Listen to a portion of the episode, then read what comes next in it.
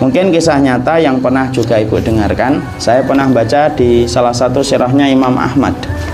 Imam Ahmad itu pernah mau datang ke satu kampung, satu kota Tapi dia tidak tahu alasan apa kenapa dia ingin datang ke kota itu. Sampailah beliau ke kota itu dan ketika sampai di kota itu Imam Ahmad bingung apa yang harus dilakukan di kota itu.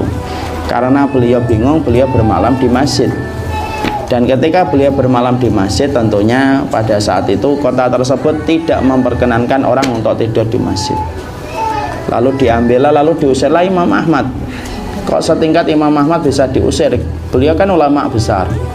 Orang pada saat itu tidak tahu kalau beliau itu adalah seorang imam besar Imam Ahmad bin Hambal rahimahullahu ta'ala. Pada saat itu belum ada Facebook dan saat itu belum ada Instagram jadi nggak kelihatan kalau itu adalah Imam Ahmad. Ketika diusir ada orang di pinggir masjid yang melihat imam melihat Imam Ahmad tapi juga tidak tahu kalau itu Imam Ahmad. Dideketin orang itu dan berkata kamu musafir? Iya saya musafir. Sudah kalau memang kamu tidak diizinkan tidur di masjid tidur saja di rumah saya. Dan kemudian Imam Ahmad bertanya kamu ini pekerjaannya apa? Saya adalah tukang roti tukang adon roti. Lalu Imam Ahmad menyambut ajakan orang tersebut tidurlah beliau di rumah ditempatkan di satu kamar. Ketika ditempatkan di satu kamar lamat-lamat itu Imam Ahmad mendengar sahibul bait itu beristighfar terus malam itu. Sampai Imam Ahmad ketika saat mau istighfar Imam Ahmad tuh mikir ini orang kok dari tadi tidak lepas-lepas ya istighfarnya? Dibuka pintunya kamar didatangi tukang adonan tepung itu. Lalu dilihatnya bahwasanya tukang itu sedang adon tepung untuk membuat roti. Sembari beristighfar. Imam Ahmad bertanya emang kalau kamu membuat roti kayak gini? Iya misalnya kalau ada tukang roti kayak gitu ayo bu kita borong bu insya Allah. Amin kamu selalu membuat roti kayak gini? Iya. Apa yang Allah kasih kepada kamu setelah kamu itu melazimi istighfar? Dari waktu lama, dari waktu muda kamu melazimi yang semacam ini. Maka tukang roti itu berkata, semua permintaanku dikabulkan oleh Allah. Kecuali satu yang belum dikabulkan oleh Allah. Apa itu? Saya ingin supaya Imam Ahmad itu bermalam di rumahku. Dan barulah Imam Ahmad kaget ketika beliau mengatakan, sayalah Imam Ahmad dan barulah saya tahu kenapa saya disuruh datang ke sini karena ternyata Allah ingin mengabulkan doanya seorang tukang roti yang selalu beristighfar setiap waktunya istighfar itu ibu dia kayak deterjen beda dengan tasbih Ustadz mana yang lebih baik bagi saya tasbih atau istighfar Ustadz? Tasbih itu kayak pewangi ibu tapi kalau istighfar itu kayak deterjen. Malaikat itu identik dengan tasbih tidak identik dengan istighfar. Manusia itu identik dengan istighfar walaupun boleh sesekali bertasbih. Kenapa malaikat itu bertasbih Ustadz? karena malaikat tidak punya dosa. Tasbihnya malaikat itu menjadi pewangi untuk mereka. Itulah tasbihnya para malaikat Kenapa manusia itu selalu beristighfar? Karena sesungguhnya manusia itu beristighfar Karena sesungguhnya manusia itu banyak sekali melakukan dosa dan kemaksiatan. Makanya manusia itu lekat dengan istighfarnya dia. Dan Allah mencintai manusia yang selalu beristighfar setiap waktu dan setiap saat. Maka di situlah kita paham bahwasanya istighfar itu adalah dominan bagi orang yang beriman kepada Allah dan Rasulnya.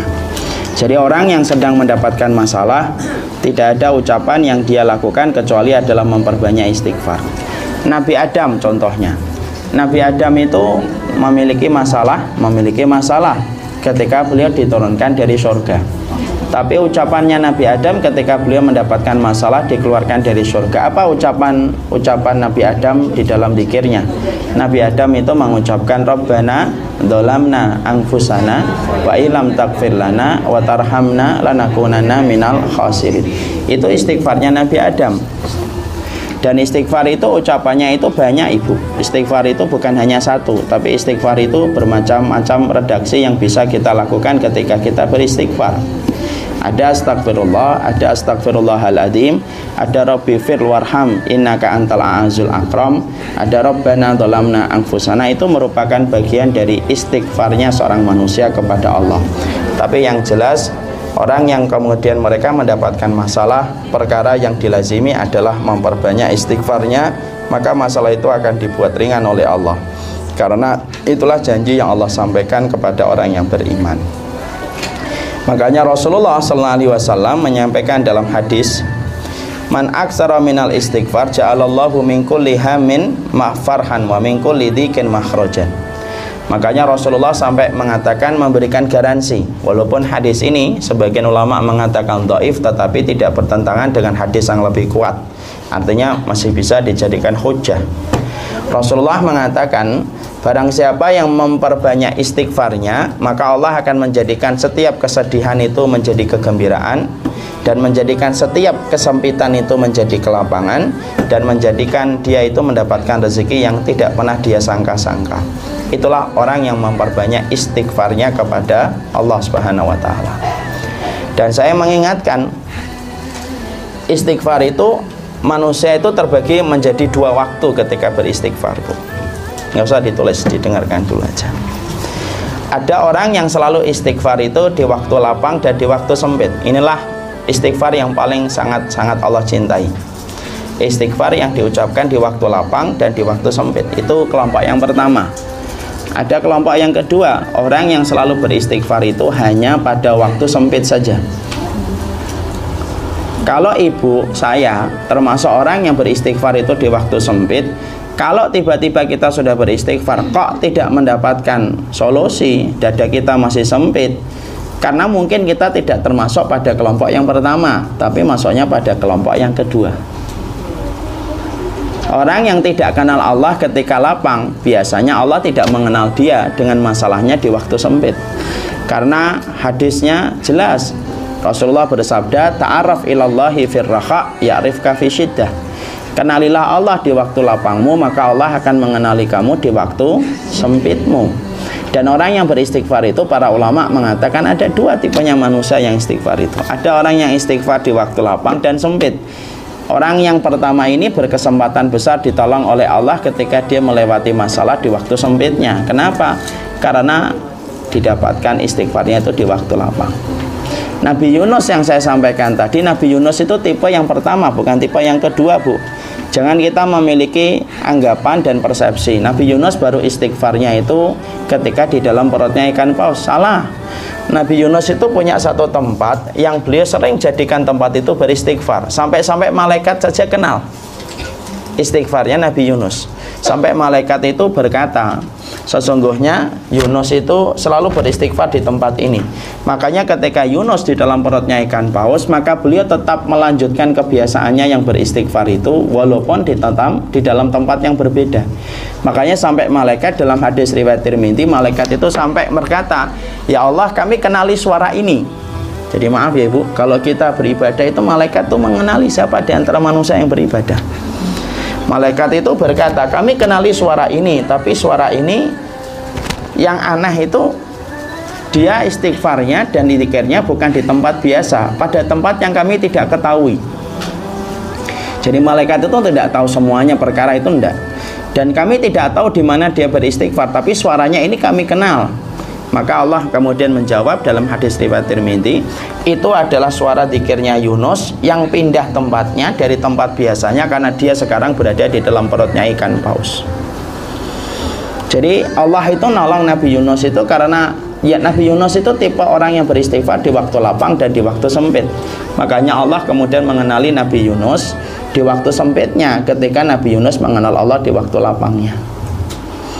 Ada tipe yang kedua, ada tipe orang yang baru beristighfar ketika sempit. Walaupun ini juga mendingan daripada orang yang tidak pernah beristighfar, bahkan ketika ujian pun tidak pernah beristighfar.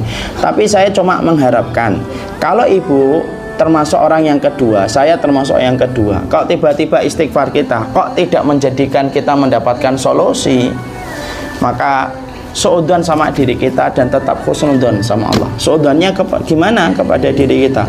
Oh mungkin karena saya itu kenal Allah di waktu sempit. Saya tidak kenal Allah di waktu lapang. Makanya Allah muji saya ini. Sampai Allah belum memberikan kelapangan dalam hidup saya karena Allah tidak melihat saya mengingatnya ketika di waktu lapang. Karena banyak manusia kemungkinan besar ketika dia sudah memperbanyak istighfar tapi ternyata kok dia tidak mendapatkan solusi maka bisa jadi yang disalahkan itu Allah yang digugat itu takdirnya. Katanya istighfar menjadikan yang sempit lapang. Mana saya tetap gini-gini aja masalah saya tidak kelar-kelar? Nah itu jawabannya adalah mungkin kamu mengingat Allah di waktu sempit tetapi tidak pernah mengingat Allah di waktu lapang. Nah istighfar itu Istighfar itu ada batasan nominalnya Ustadz tidak ada batasan nominalnya. Yaitu adalah kita diperintahkan Dikron kasiro Diperintahkan yang banyak. Dan yang banyak itu tidak ada definisi angka jumlahnya. Bisa jadi kita seribu boleh, dua ribu boleh, seratus boleh. Diperbanyak istighfar itu Dan istighfar itu pada waktu-waktu selain ibadah Maka tidak ada batasannya. Kecuali pada waktu ibadah. Contoh Dikir habis sholat. Nah itu waktu ibadah. Kalau waktu ibadah istighfarnya kita berapa kali? Tiga. Istighfar kak istighfarnya berapa kali tiga kali Kenapa kita kalau habis sholat itu istighfar? Karena bisa jadi ada sholat kita yang salah dan ada sholat kita yang tidak khusyuk Makanya kita beristighfar kepada Allah Nah itu satu kali maka sama pula dengan kita membaca kafaratul majlis. Kafaratul majlis itu istighfar atau tidak istighfar? Istighfar. Berapa kali? Satu kali atau seratus kali? Satu kali. Kalau seratus kali tidak pulang-pulang kita kan. Satu kali saja. Kalau istighfar itu kaitannya dengan ibadah maka ada bilangannya. Kalau habis sholat tiga kali, kalau habis majelis ilmu satu kali, itu ada bilangannya. Tapi kalau istighfar itu tidak pada tempat-tempat yang ada kaitannya dengan ibadah, artinya waktunya umum, tidak waktu sholat, tidak waktu habis taklim, maka istighfarnya itu sebanyak-banyaknya kita beristighfar kepada Allah Subhanahu wa taala dan tidak ada batasan yang membatasi.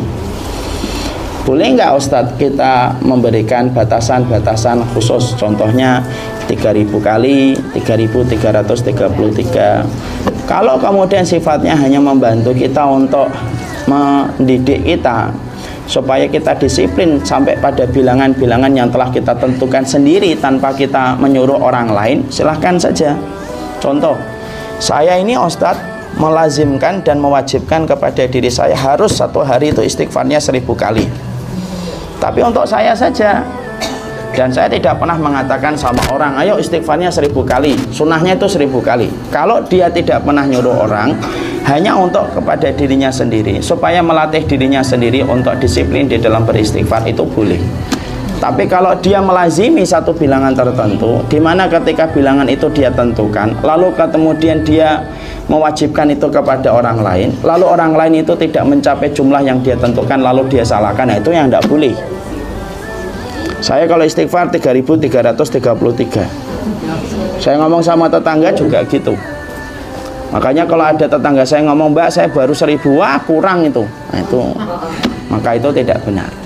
Jadi istighfar itu selain dari batasan waktu yang telah kita kaitkan dengan ibadah maka tidak ada batasannya. Dan istighfar itu kalau saya, ibu kalau menanyakan kepada saya secara pribadi, Ustadz melazimkan bilangan tertentu ketika istighfar? Enggak, saya tidak pernah melazimkan. Diperbanyak saja, tanpa kita hitung berapa jumlahnya. Biar Allah yang akan menghitungnya. Ya, dan itulah yang lebih baik. Pakai alat atau tidak pakai alat? Saya lebih memilih tidak pakai alat ketika beristighfar kepada Allah. Kenapa? karena anggota tubuh yang kita pakai ketika kita beristighfar maka itulah anggota tubuh yang kelak akan memberikan kesaksian kepada Allah atas apa yang kita lakukan bersama anggota tubuh yang kita kondisikan anggota tubuh itu untuk beribadah kepada Allah. Dan itu yang kita harus mengerti. Itulah yang disebut dengan istighfar